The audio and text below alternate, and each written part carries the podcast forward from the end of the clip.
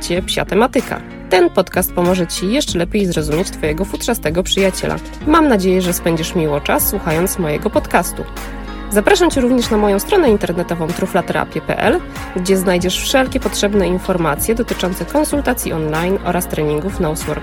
Jeśli będziesz potrzebować dodatkowych informacji, to zapraszam do kontaktu mailowego lub telefonicznego. A teraz zapraszam Cię już na kolejny odcinek mojego podcastu i życzę przyjemnego odsłuchu. Cześć, witam Was w 51. odcinku podcastu o psie. Dzisiaj kolejny odcinek z serii Psie Ciekawostki. Ostatnio dość szerokim echem odbiła się informacja o tym, że psy mogą płakać na widok swojego opiekuna. Czy faktycznie jest to prawda? Czy wasz pies może płakać z radości na wasz widok?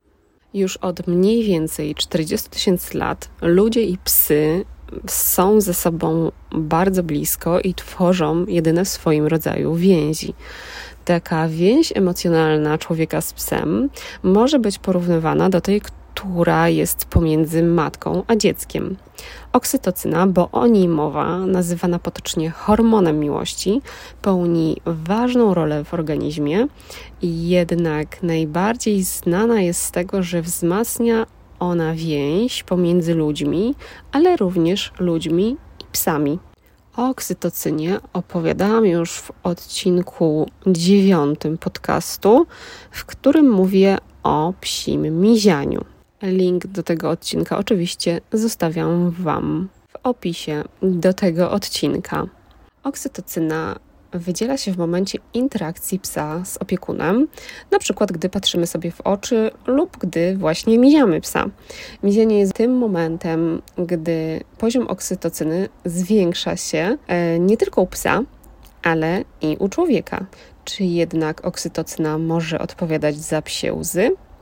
Badanie przeprowadzone w lipcu tego roku przez Takefumi Kikusui z Uniwersytetu Azabu w Japonii daje odpowiedź na to pytanie.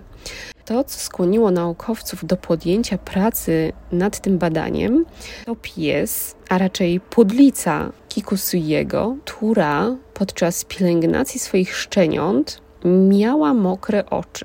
Naukowiec uznał, że może to mieć związek z oksytocyną, no i postanowił to sprawdzić. W tym celu zebrał grupę 22 psów oraz ich opiekunów.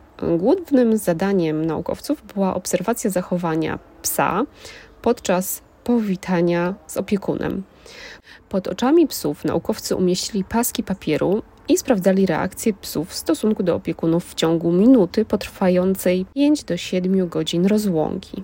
Okazało się, że produkcja łez zwiększa się znacząco, gdy psy witały się z opiekunami po jego powrocie. Nic takiego nie miało miejsca w stosunku do innych osób.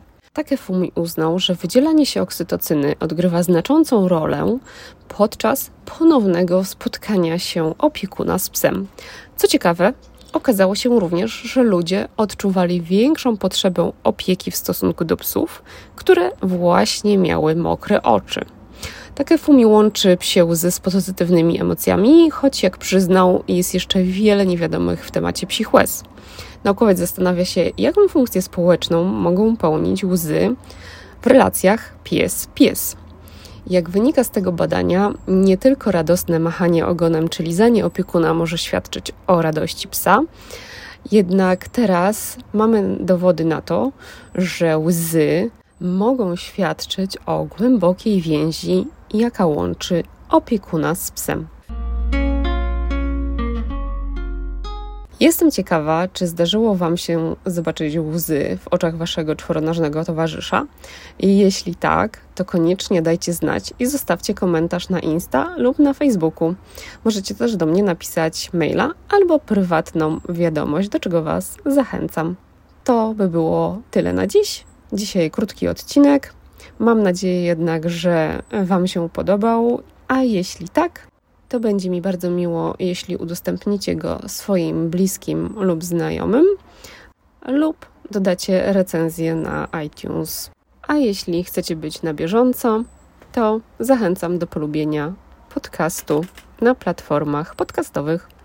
I dzisiaj to już na tyle. Dziękuję Wam za poświęcony czas dzięki za wysłuchanie mojego podcastu i do usłyszenia za dwa tygodnie. Pa, pa!